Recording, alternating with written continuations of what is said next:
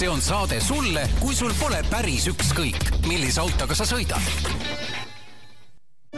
auto vahetamine võib olla tükk tegemist, aga mitte ideaalautos. meie suures müügisalongis on esinduslik valik garantiilisi, vähekasutatud autosid. ideaalauto, kõik, mida vajad, on siin. autod, rehvivahetus, kakskümmend neli seitse autopesu, keretööd. Peterburi tee nelikümmend seitse C tere, Autotund on eetris tagasi, täna oleme stuudios mina, Martin Mets ning minuga koos geeniusest eh, Gregor Sibold. tervist, tervist! muidugi, millest me täna räägime, on automaksust ja keskmise kiiruse eh, kaameratest, eh, aga kohe pärast seda, kui me oleme rääkinud, nagu traditsiooniline on, enda nädalast, et Gregor, mis on sinu viimasest nädalast sulle kõige rohkem silma jäänud või või mis, mis, mis sinu kirge on kütnud seoses autodega? minu kirge hakkasid kütma elektriautod või noh, eks nad juba mõnda aega, et eh, veidikene mõelnud, et oh, just, justkui elus tekkinud hetk, kus oleks vaja teist autot üks suur auto on juba olemas, millega igal pool ära käia, koeri tassida. elektriautot varem pole olnud. elektriautot varem pole olnud ja siis tunduski, et kui nüüd selline igapäevane poest piima toomise auto osta, siis see võiks äkki olla niisugune elektriauto. ehk siis ma nädalavahetusel veidike keskmiselt intensiivsemalt hakkasin sinna sisse vaatama ja endale üllatuseks avastasin, et pannes kõrvuti kõikide uute elektriautode hinnad, siis Tesla Model kolm on üllatavalt nagu konkurentsivõimeline, et alati tundub selline veidikene eksklusiivne auto, veidikene uhke auto, aga tegelikult täiesti nagu viisaka hinnaga auto. küll aga sai väga kiiresti selgeks, et Eestis on väga keeruline endale Teslat osta, kui sa elektriautodest nagu niikuinii midagi ei tea. ehk siis alguses üritad ennast kurssi viia üldse sellega, et kuidas Eesti, Eestis elektriautot omad on, kuidas seda laadida on kõiki asju, aga siis sa nagu hakkad nagu seda sibulat lahti koorima ja siis avastad, et noh, et Teslal on ju mingisugune teistsugune laadimisauk ja kuidas seda täpselt laadida, laadida ma peaksin, hakkad selle kohta uurima, siis saad aru, et Eestis ei ole hooldust, siis hakkad vaatama, kuidas hoolduses käiakse ja siis avastad lihtsalt järjest ja järjest ja järjest uusi probleeme, mis lõpuks tundub, et nagu te, osta Teslat ilma rääkimata kellegagi, kes juba ei ole Teslat endale ostnud, on sisuliselt võimatu missioon. ehk siis see on nagu, tundub kuidagi absurdselt keeruline, võib-olla ma lihtsalt olen täi-, noh, eks ma olengi täielik võhik, eks ju, aga see tundub nagu ei, see vist ei, vaata ühtepidi, mina olen viimaste nädalate jooksul tegelikult väga palju äh, Model kolmesid näinud just Tallinna tänavatel, nii et ma näen, et inimesed saavad sellega hakkama, vähemalt selle ostmise osaga inimesed saavad hakkama, aga no mis ma, millest ma aru saan tegelikult, kui ma jälgin ka elektriautode gruppi, siis see mis saab takistuseks elektriauto Tesla ostmisel just on see hooldus ja hooldus on äh,, ametlik on Soomes ja, ja selle kohta on nagu naljakaid lugusid ka, et samast grupist ma olen näinud, et kus inimesed endale reedeks, saavad sinna hoolduse aja, ehk siis ostavad laevapiletid, autoga ülesõit, siis jõuavad sinna, siis peab veel mingid tegevused planeerima, kas jõuad samal päeval tagasi, ei jõua, nii edasi, kaua seal läheb ja siis kõige lõbusam on see, kui inimesele antakse teada, et oi, nad siis, kui oled juba laeva peale sõitnud, antakse teada, et oi, täna ei jõua et tead, et tulge esmaspäeval. ja siis sa oled autoga, oma Teslaga, oled teel hooldusesse Soomes reedel hommikul ja siis sa saad teada, et noh, tegelikult esmaspäeval, nii et eh, planeeri endale üks tore nädalavahetus veel eh, sinna eh, Soome ja siis saad nagu edasi mõelda, et selles mõttes see on jah, nagu jõle kahju et see on niivõrd äh, tüütu tegelikult. jaa, kuigi ka tehniliselt Eestis on vist ka olemas täitsa mingid ettevõtted, mis pakuvad Tesladele hooldust, need ei ole ametlikud, aga nii palju, kui ma aru saan, siis Tesla garantiid otseselt ära ei võta selle pärast. Ja kui sul on ikkagi vaja mingit veidikene noh, keretöid asju, siis sa vist pigem peaks, peaksid minema sinna ja ma, nii palju, kui ma umbes, ma arvan, äkki kaks tundi kokku viitsisin mööda Facebooki gruppe ringi surfata, nagu lüüa sisse Tesla Model kolm ja vaadata, mis sellest räägitakse, siis näiteks selleks, et sa saaksid Eesti laadijates laadida, on sul vaja adapterit, aga ainult adapterist ei piisa, vaid sul on vaja kuskilt taha istme alla panna ka mingisugune väike karbikene, mis ütleb autole, et kuidas see laadija töötab, mida meil siin kasutatakse. Võib-olla on see nüüdseks juba vananenud info, aga no taaskord, kust ma peaksin teadma seda, ma saan aru, et seda saab ainult Soomes teha, ehk siis see on niisugune korralik peavalu, et nagu hind isegi on nagu elektriautode kontekstis täielikult konkurentsivõimeline, kui isegi nagu veidikene kasutatud autot vaadata, siis nagu väga konkurentsivõimeline,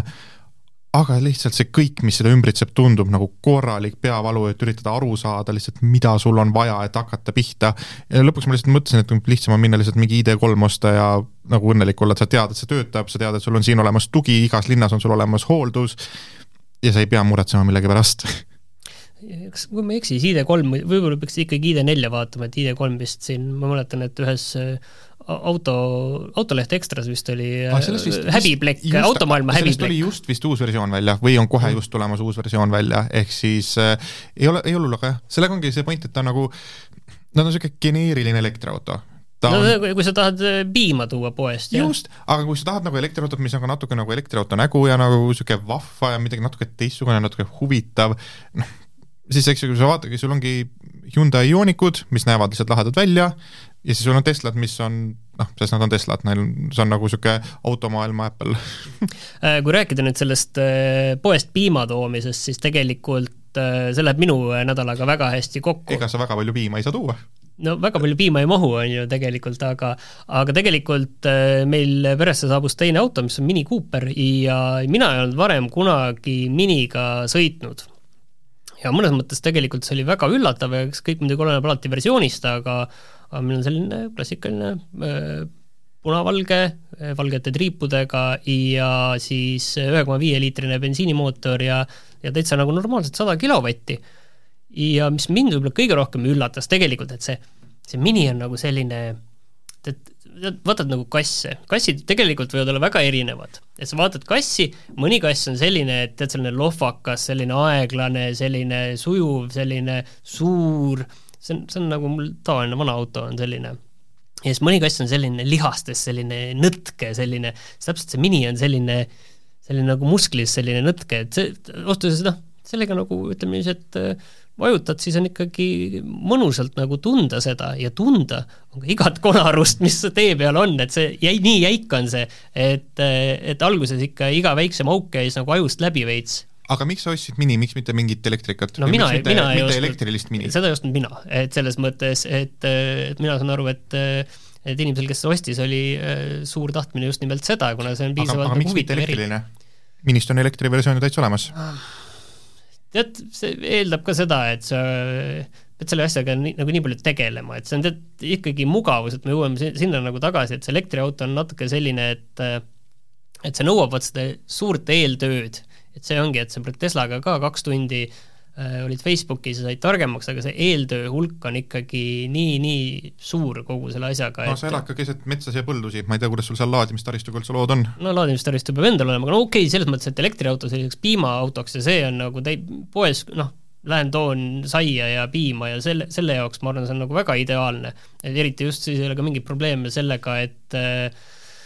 et peaks muretsema selle pärast, et aku tühjaks saab ja nii edasi ja nii edasi, et ta on selle jaoks tegelikult nagu ideaalne ja, ja ma olen nagu ise ka mõelnud vaikselt nagu sinnapoole, et jah, et see põhiautoks ei saa sama mure pärast nagu sinul praegu, sellepärast et et kui on vaja koeri ja kasse ja kõiki loomi ja kõiki vedada, siis siis need peab olema kuskil mingi suurem ruum ja elektriautode suur mure täna on see ikkagi, et nad on suhteliselt väiksed kõik tegelikult jah, noh, kui sa just ei hakka kuskile Model X-i poole vaatama, täiesti nagu ulmelisse kategooriasse. jaa, aga siis lähevadki hinnad muidugi juba hoopis teise kategooriasse. aga räägi mulle minidest veidike seda, et noh, olen ka kunagi aastates vaadanud mini, noh muidugi veidike vanemaid ja lõpuks takistuseks sai seal see, et umbes iga koht, kus sa kirjutad, et kas nagu mini peaks ostma, ütleb, et need lagunevad nagu, nagu mis iganes asi, ehk siis põhimõtteliselt, et noh, korraks gaasi annad, siis mõlemad uksed kukuvad küljest ära. et just vastupidavuse poole pealt neid väga ei kiideta. kuidas uuega tundub, ka on juba summuti ära kukkunud? ei, midagi ei ole veel juhtunud ja ta ei, ta ei ole uus, aga, aga ta on kaks tuhat seitseteist ja see on veel see, ütleme, mini ikkagi mured hakkavad pihta tegelikult seal kümnest aastast, ma saan aru, et need tõsised mured hakkavad nagu siis pihta ehk siis on veel mingi neli head aastat jah, neli head aastat on minna, aga see on nagu tõsi, et, et nende see vastupidavus mingist ajast nagu ikkagi äh, no kukub ikkagi täiesti. E, et aga ometi, ma ei, kui, ma ei tea, see, eks ju, tuleb samas, samas kohas, kus BMW-d tulevad, noh, tänapäevane BMW esimese hooga ei kangestu mul silme ette, et see hakkab kohe ära lagunema nagu esimesest hetkest, et kas nende nagu kvaliteet on ka huvitav ajas paremaks läinud, noh, kuskil kaks tuhat keskpaik, kuskil seal ilmselt oli nagu eriti jube, ja, ja pärast seda, ei, ta on tegelikult, on läinud paremaks ja see kaks tuhat seitseteist nagu versioon tegelikult ta nagu põhja alt igalt poolt näeb nagu väga hea välja tegelikult kõik ja, ja ei ole veel seda tunnet, et hakkaksid mingid asjad nagu ära tõesti kukkuma. et siiamaani nagu väga hea, noh, igalt poolt on Brett ka nagu käis ostulises kontrollis ka kõik, kõik korras, kõik äh, need öö, äh, ülevaatused, kõik, kõik nagu ilusti läbinud. aga mis see põhjus siis hetkel oli, et just nüüd teine auto, peale selle, et nagu lahe on? Pigem see vist oligi, et teinekord vaata autodega on niiviisi lihtsalt, see on autodega, et et sa ise tead ka seda, et sa kogu aeg käid vaatamas, et tuleb selline äh, tung peale, et oh, nüüd võiks ja siis läheb, et, et see on põhimõtteliselt samamoodi ja võib-olla ka sellepärast, et sa ostad praegu ära, siis sa ei pea veel, praegu ei pea mingit automaksu ega ümberregistreerimise maksu ega, ega kuidas täpselt see asi nüüd öö, otsustatakse, saame näha, aga sellest me kohe räägimegi, et jah, noh, automaksusse vist lõplikult ei pääse, aga vähemalt jah, tundub, et eh, nii nagu seda automaksu hetkel planeeritakse, eh, kus ta peaks tulema kaheosalisena, ehk siis üks osa see, mis tulebki esmasel registreerimisel, teine osa iga-aastase või igakuise maksena, see vist on veel igakuine, aga ma kujutan ette, võib-olla saad aastane ära maksta. saad aasta peale maksta, et sellest osast sa ilmselt ei pääse.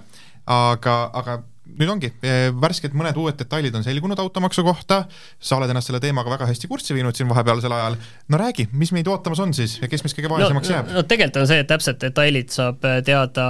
juuli äh, lõpus või juuli teises pooles öeldi, et praegu lihtsalt selline tuli väike meeldetuletus, et jaa, jaa, see automaks tuleb ja, ja sellega ei ole nagu probleemi, et ärge muretsege, see, et kui ülejäänud maksud kõik anti teada, siis see automaks jäi praegu kuskil niiviisi vaikselt kõrvale kahes osas, on ju, et üks on siis esmaregistreerimine, et see on siis, kui äh, ostad uue auto või äh, tood välismaalt auto ja tahad seda Eestis registreerida, mis see summa on, ei tea, aga öeldi selle igakuise makse kohta, öeldi, et see on siis viis kuni kakskümmend eurot ja see sõltub nagu paljudest asjadest. Ja millest see täpselt lõpuks sõltuma jääb, seda ei teagi, aga mis siin nagu noh, muidugi on see, et äh, palju siis heitmeid tuleb, on ju, see asi muidugi aga üks huvitav asi, mis tegelikult nüüd öeldi välja, on ka see, et, et see hakkab sõltuma auto massist. kas ta nagu lõplikult hakkab, ei tea, aga see mass on huvitav just kahel põhjusel, sellepärast et äh, vaata, heitmeid elektriautodel nagu ei tule, aga massi selle eest on neil võrreldes keskmise autoga jälle tänu suurele akupangale küll ja küll. et mul on tunne, et see mass on sisse toodud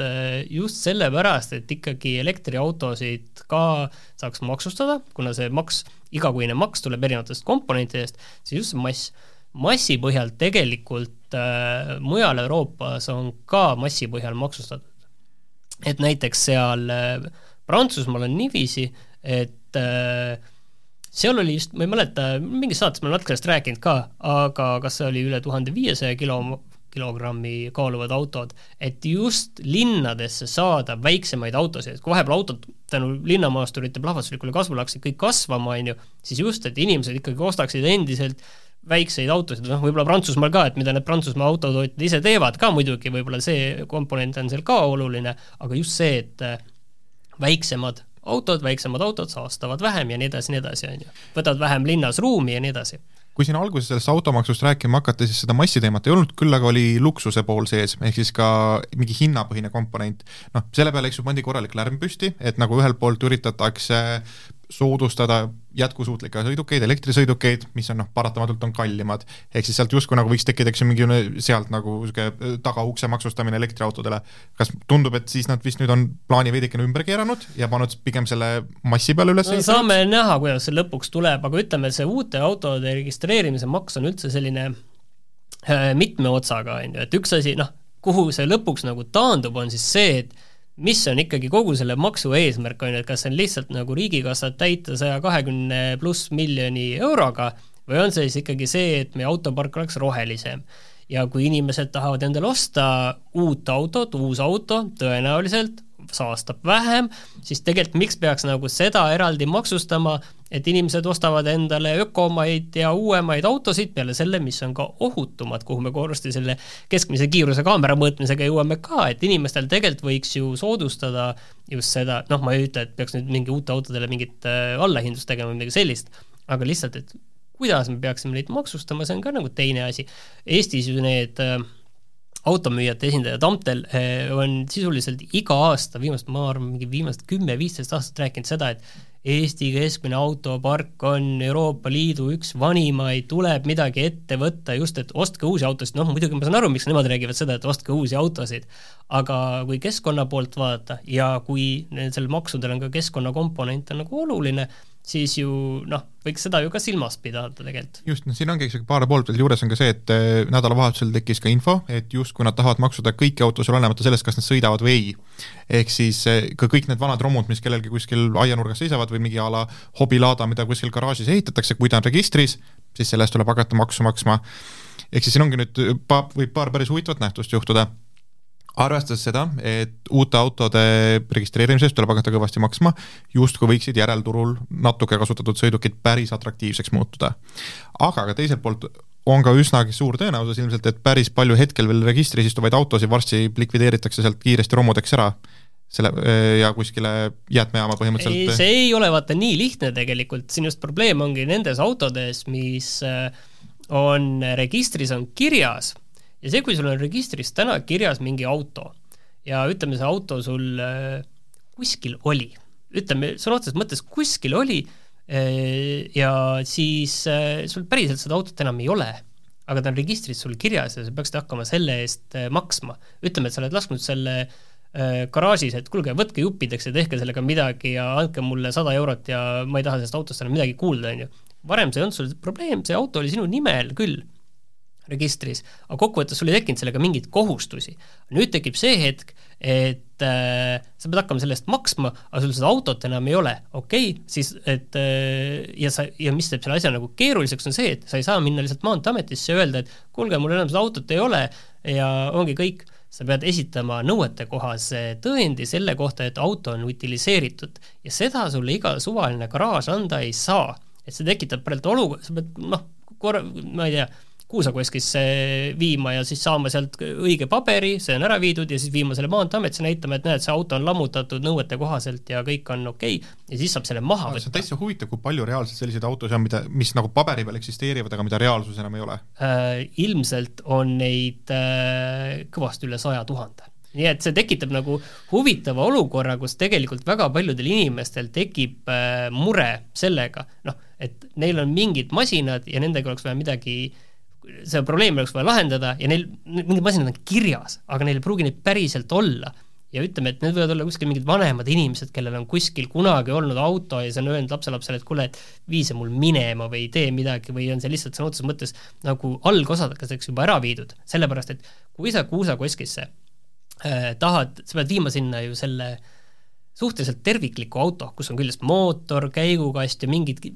fikseeritud asjad veel, mis peavad olema, aga kui see auto on nagu põhimõtteliselt juppideks lahti võetud juba ja seal on põhimõtteliselt sisuliselt kere alles, siis eh, selle utiliseerimine on ka omaette väljakutse. nii et siin tekib nagu tegelikult, ma kujutan ette, päris palju paanikat päris paljudel inimestel sellega, et kuidas see asi nüüd tehakse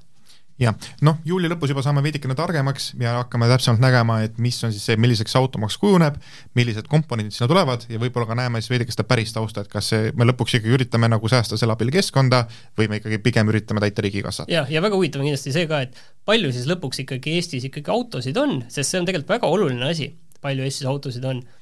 päriselt, sest selle põhjal tehakse kõik need arvutused, et kui autostunud see Eesti ikkagi on, et paljud sõidavad, paljud ei sõida, palju neid üldse olemas on. jah, aga riigikassat saab täita ka teistel viisidel, mitte ainult automaksuga, saab ka trahve koguda ja nüüd varsti enam mitte ainult lihtsalt kiiruskaameratest niisama, nagu praegu, et natukene kiiresti sõidad mööda, saad trahvi, vaid on alustatud keskmise kiiruse mõõtmise pilootprojektiga. see on äh, metodoloogiline uuring esialgu, et praegu ja, veel trahvi ei saa. trahvi ei saa mis on tore, aga tundub, et vaadates, kuidas lähiriikides on läinud, igal pool on seda katsetatud, nii Lätis kui Leedus minu teada on ka keskmise kiiruse kaamerad on juba töös, küll nad tulevad Eestisse ka, tulevad, teevad oma uuringu ära, kas praegusega saab teha, aga, aga ilmselt tõenäoliselt me varsti saame keskmise kiiruse kaamerad endale. Seda tehakse väga mugavalt, selles mõttes, et kui me räägime, et Leedus on tegelikult keskmise kiiruse kaamerad tükk aega olnud, siis noh, kui me võtame nagu võrdluse, kuidas see Leedus on, siis Leedus on umbes niiviisi, et sa sõidad Tallinnast välja, siin on see Tartu poole sada kakskümmend kilomeetrit tee, siis on, ütleme, et mõnekilomeetrine lõik, kus on pandud see esimene kaamera ja siis on teine kaamera kuskil kolm-neli kilomeetrit hiljem ja siis mõõdab selle vahemaa ära, vaatab, mis su keskmine liikumiskiirus oli ja siis vastavalt kas teeb trahvi või ei tee trahvi, on ju. Eestis on üritatud väga mugavalt äh, seda asja lahendada niiviisi, et äh, kuna Eestis mõningad teed nagu Tallinna-Tartu maantee, Tallinna-Pärnu maantee, Tallinn-Tartu peal ei ole, või Tallinn-Narva peal ei ole vist ühtegi kaamerat enne kuskil Jõhvit või kuskil seal, kuskil, kuskil on. aga Narva maantee või seal Pärnu maantee peal on väga palju neid. ja Eestis hakatakse mõõtma siis kahe külmkapi vahelise, see külmkapi kiiruskaamera vahelist äh, vahemaad. ehk siis Mit, a, mitte ilmtingimata kahe järjestikuse. jah, vaid kahe suvalise. ehk siis tehniliselt nagu teoorias on siin võimalus, et nagu esimene kaamera, mis Tallinna-Tartu maantee peal on, ta, sõidad Tallinnast välja, esimene kaamera teeb sinust pildi ja siis Tartus maantee peal viimane kaamera teeb sinust pildi ja siis nad saavad vajadusel võtta ka terve selle vahemaa põhimõtteliselt ja kas sa nagu selle distantsi peal keskmiselt sõitsid õige kiirusega. Nad pole küll öelnud, et nad nii pikka teeksid, noh ilmselt seal nüüd üks jääb vahele, aga teoorias on see võimalus olemas. aga siin on väga kaval, et see on väga selline vähe investeeringuid nõuab see, et ei panda mingeid uusi kaameraid püsti, vaid ongi lihtsalt need, need olemasolevad kaamerad, et neid nagu äh, ära kasutada. Et see, see on nagu äh, minu jaoks nagu väga huvitav, muidugi õnneks testiperioodil on tegelikult niiviisi, et Transpordiametist öeldi, et needsamad kiiruskaamerad, mis seda testima hakkavad, et need tänu sellele võetakse nagu üldse tegelikult äh, äh süsteemist maha, ehk sellest süsteemist, mis teeb neid trahve. ehk äh, põhimõtteliselt täna on niiviisi, et need kaamerad seal ei tee trahve, muidugi täpselt ei tea, millised, sest äh, siiani ei ole Transpordiamet öelnud, et äh, kus kohal tegelikult need äh, katselõigud asuvad. jah, no aga, aga nad pidid sinna sildid ette panema, et ju me varsti saame teada. küll aga on küsimus ka veidike ju see, et ega hetkelgi igas selles külmkapis ei ole päriselt kaamerat sees, nad ju liigutavad ringi neid sisusi sealt ühelt teisele, et kui me nüüd ikkagi lähme päris selle keskmise kaamerate teed, siis huvitav, kas on kohe motivatsiooni ka natuke neid sisusi juurde osta, et neid nagu veidike veel panna, et saaks nagu igale lõigule panna. ja sealt edasi küsimus, et eh, me ju ostsime ju hiljuti toredad mobiilsed kiiruskaamerad, ehk siis kas me saame niisuguseid eh, pop-up keskmise kiiruse mõõtmisalasid hakata varsti tegema? Kindlasti saab, ma arvan, et see mõte on kindlasti kuskil eh, kellelgi juba olemas. muidugi, mis on nagu huvitav selle asja juures tegelikult, on see, et kuskohast need asjad niiviisi ikkagi järsku tulevad, et kuskil nagu need ideed valmivad, et noh, võiksime teha, et okei okay,, nüüd on nagu ma saan aru, poliitiline tahe on siin ka taga, nagu Transpordiameti juht ütles, et et varem ei olnud selle asjaga poliitilist tahet, ehk siis see, tuletame meelde, et varem oli aeg enne valimisi, et siis, siis oli, et siis keegi ei tahtnud rääkida, et noh, võiksime nüüd selle asjaga minna, nüüd pärast valimisi on nagu okei okay,, vaatame, et kas see on siis mingi asi, millega saab raha korjata. aga samas ma ei tea, kuidas sul nagu üldiselt tundub see idee, et hakkame nüüd seda keskmist kiirust, kaamerat, kiirust mõõtma, ütleme et on mingi kümnekilomeetrine ala, et siit nüüd hakkab see pihta, on ju, ja me teame, noh, sildid tulevad üles, et siin on nüüd see ja kümne kilomeetri pärast, et siin on nüüd lõpp, mis siis nagu, kas see muudab nagu midagi paremaks või halvemaks? no ma ei tea, noh hetkel eks ju maantee peal sõites nagu on üsnagi tõenäoline see, et see hetk, kui sa jõuad kiiruskaamera ette, seal nagu kümme venda pidurdab plokki põhimõtteliselt, üritab mm. nagu saja kolmekümne pealt, pealt ennast kiiresti üheksakümne peale tõmmata e noh, kui see aitab sellist asja vältida, iseenesest tore, sest hetkel ikkagi kiiruskaamerate vahel niisugust kihutamist on tegelikult üksjagu. samas oleneb, eks ju, kui pikad või kui lühikesed need distantsid on, siis see võib hakata omamoodi teisi probleeme tekitama, näiteks oletame, et on möödasõidud või asjad, kui sa noh, paratamatult oled ilmselt veits, veits kiirem, kui sa võib-olla peaksid olema. Eh, kui ta on piisavalt pikk, siis ta ilmselt hajub ära sinna peale, aga noh, ongi, kui me räägime ikkagi jälle mingist paarikilomeetrisest lõigust, no ikkagi suhteliselt lihtne on ennast nagu sõita nagu tupikusse sinna lõpus pead natukene, natukene siis kuuekümnega tiksuma, et, et tasa saada. minu meelest äh, kui mina nagu vaatan seda, kuidas inimesed kiiruskaamerate juures käituvad, siis on tavaline see, et noh, mina lasen äh, seal äh, püsikaga ja selle maksimumkiirusega ja püsikaga niiviisi ilusti läbi, on ju. aga ma teinekord pean seal pidurdama, sellepärast et äh, paljud tõmbavad ikkagi nagu väga palju aeglasemaks, inimesed kardavad tegelikult neid kaameraid, nad tõmbavad väga palju aeglasemaks enne seda kaamerat, tõmbad seitsmekümne peale, noh, tead igaks juhuks, et mine seda masinat tea, äkki ta ikkagi teeb mulle trahvi ja siis on, aga nüüd tekib see mure sellel kümnekilomeetrisel alal, et kujuta nüüd ette, et eh, seal on ka inimesed, kes jaa, nad tegelikult teavad, et nad sõidavad keskmiselt ütleme üheksakümnega ütleme, ütleme, keskmiselt seitsmekümnega. ütleme nüüd, et eh, noh, trahvi hakatakse tegema, siis võib-olla seda pole ka täpselt öeldud, mis see keskmine kiirus on, kas üheksakümne ühe pealt juba tehakse trahvi, sest see on keskmiselt, sa oled sõitnud üheksakümne ühega, et kas siin juba üks kilomeeter üle hakatakse trahvi tegema või on see kolm kilomeetrit üle või on kuus kilomeetrit keskmiselt üle, et kus kohas seda pi-, seda trahvi üldse hakatakse tegema, aga igal juhul me jõuame sinna, et nüüd on see viimane kilomeeter ja siis seal eh, need inimesed, kes kardavad neid kaameraid, nad seal tiksuvad ja kas see teeb nagu liiklust kuidagi äh, rahustab, teeb see kuidagi paremaks, seal on need teised, kes sõidavad taga, peavad hakkama sealt möödasõite tegema, kes teavad panevad ennast trahviohtu niimoodi, kuna nad teevad möödasõite. jah, et, et ühesõnaga ma ei ole kindel, et kas see kogu asi nagu päriselt nagu midagi rahustab või et Leedu kohta veel see asi, tegelikult Leedus keskmise kiiruse need kaamerad on üleval minu teada ainult seal, kus on mitu rida. Et tegelikult sul on nagu nii-öelda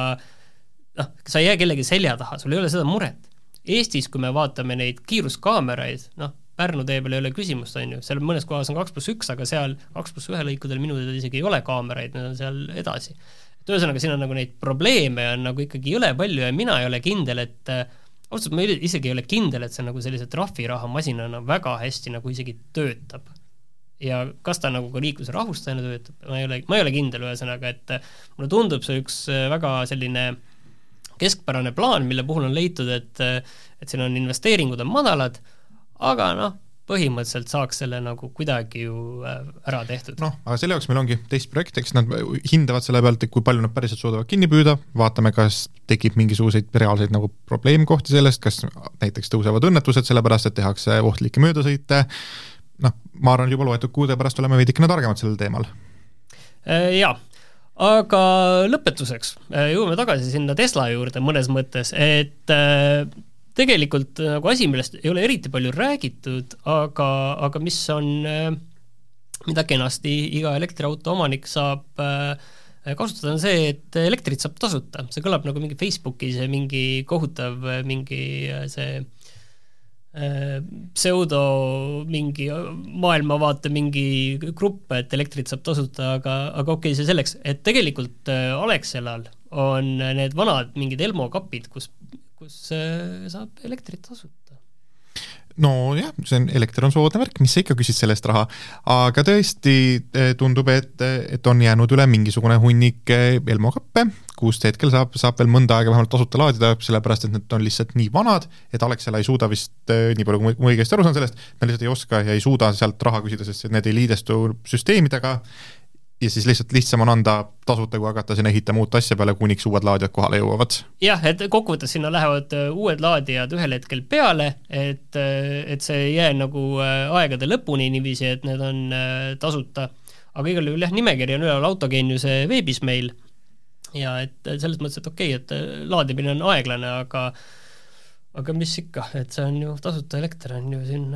no kui sa kuskil seal kandis elad, siis juba oleks nii, nii mugav lihtsalt nagu lükkad auto sinna ja nagu lähed vot, ma olen aru saanud tegelikult, et see on väga populaarne taksojuhtide seas tegelikult, et seal peab üldse vaatama tegelikult, et kas nendel laadijatel üldse nagu löögile saada tegelikult võib olla keeruline, sest eh, võib-olla mõned taksod seal väga mõistlikult eh,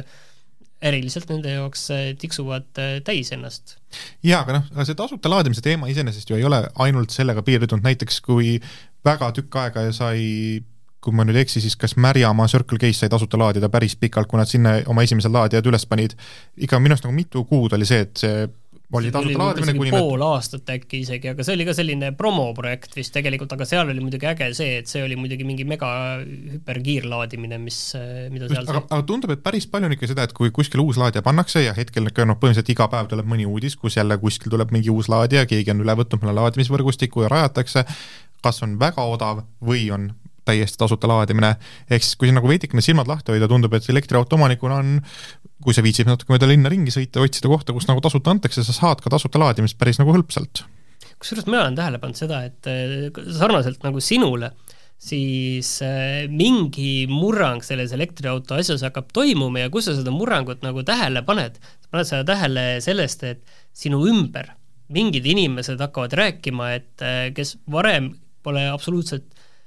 võib-olla isegi, kes väga nagu autode vastu huvi ei tunne, aga kes on veel vähem varem elektriautode vastu huvi tundnud, hakkavad järsku rääkima, et äkki nagu peaks, äkki Just, peaks aha. nagu hakkama mõtlema, et äkki järgmine auto võiks olla elektriauto. ma olen nagu viimase kuu aja jooksul võib-olla see on sellepärast, et siin jaanipäevad, pühad, asjad siin, et inimestega nagu rohkem suhelnud, et järsku on hakanud tulema see jutt tõesti, et mida varem ei ole öelnud, varem nagu selline tavaline sõber, kes, keda ei huvita need asjad, ei tule rääkima sellest, et äkki ostaks. ja nüüd järsku on hakanud seda nagu mitmest kohast tulema, nii et mul on tunne, et see, et igal pool neid laadijaid on. aga ah, neid laadijaid ja neid päriselt neid on igal pool, ma just üks äh, sõitsin mööda öö, mis ma ütlesin, mööda ehitatud teed äkki ja vaatasin järsku, järsku oli Neste kõrvale mingisugune hunnik laadijaid üles pandud, nagu üleöö põhimõtteliselt kerkis sinna. samamoodi noh, Circle K-d ehitavad, Alexela teeb päris korralikku tööd ja rajab neid igale poole. et näha on, et see taristu areneb meeletu kiirusega ja mulle tundub, et me võib-olla hakkame sellisest muna-kana probleemist varsti üle saama, kus on see, et inimesed ei taha osta elektriautosid, sest laadijaid pole ja laadijaid ei taheta ehitada, kuna elektriautosid pole. tundub, et nüüd kõik suuremad Äh, kütusemüüjad on aru saanud, et elektriautod on tulevik, et tuleb, et selleks, et nad saavad oma mugavuspoodidesse, tuleb ka rajada sinna laadijad juurde, noh, nad niikuinii passivad seal pool tundi, noh, hea aeg hot dog'i osta ja kohvi osta, eks ju. et nemad ja teiselt poolt nagu ka tuleb päris palju niisuguseid eraldi firmasid, ongi ju alates Eleportist lõpetades Lätist, Leedust, mis on ka siiakanti jõudnud, et päris toredasti rajatakse taristut ja näiteks noh, mina, kes elan Mustamäel, maja ümber, varem oli, oli ainult nagu mustika prisma ees oli, oli üks, üks õnnetu laadija, no nüüd vaatad natuke ringi, nagu iga suurema parkimisplatsi kõrval on mingi hunnik laadijaid, enamasti on nagu tühjad, no mis nii viga, võib ju elektriautoga elada küll. Ja, ja viimaseks asjaks, et ma, ja et sa nagu kütusemüüjatest rääkisid selles mõttes, et äh, välja tulid majandusaasta aru, aruanded peaaegu kõigil neil, mitte Circle K-l, aga teistel tulid välja ja millest siis me teada saime, sellest, et äh, neil läheb päris hästi, eriti võrreldes üle-eelmise aastaga neil läheb päris hästi, et ma tuletan meelde seda kõike seda juttu, et äh, kuidas põhimõtteliselt enam-vähem me siin ise maksame siin bensiinile peale, et äh, väga raske elu on, siis selgus, et kasumid ja käibed kõigil kasvasid väga, väga toredasti. Mul on väga raske uskuda, mul on väga hea meel nende üle, ei tea küll, kuidas see teoks sai, ilmselt on teinud väga tarku ärilisi käike, aga ega noh, ega kütusehinnad just viimasel ajal meeletult langenud pole, kuigi maailm, maailmaturul on, on päris korralikult alla liikunud asjad, aga noh, me saame alati teha nägu, et tegelikult osteti lihtsalt palju hot dog'e ja väga palju kohvi viimase, viimase aasta jooksul. üks asi veel, mis eh, varem ma olen nagu alati tähele pannud, see, et kui saabub jaanipäev Eestisse, siis saabub ka väike kütusehinna tõus, inimesed sõidavad rohkem ja kuidagi alati tuleb sinna väike Eh, mõningad sendid nagu järsku läheb nagu kütus kallimaks üks, just nagu jaanipäeva jaoks puhul. ja see aasta seda ei juhtunud. see no. aasta ei juhtunud, see oli usk-, see oli nagu selline jõuluime nagu jaanipäeval. jah, saame siis nautida seda väga odavat kütust, mis meil on. jah, aga tänud kuulamast ja kohtume juba järgmisel nädalal. kõike head! Auto vahetamine võib olla tükk tegemist, aga mitte ideaalautos. meie suures müügisalongis on esinduslik valik garantiilisi, vähekasutatud autosid. ideaalauto, kõik, mida vajad, on siin. autod, rehvivahetus, kakskümmend neli seitse autopesu, keretööd. Peterburi tee nelikümmend seitse C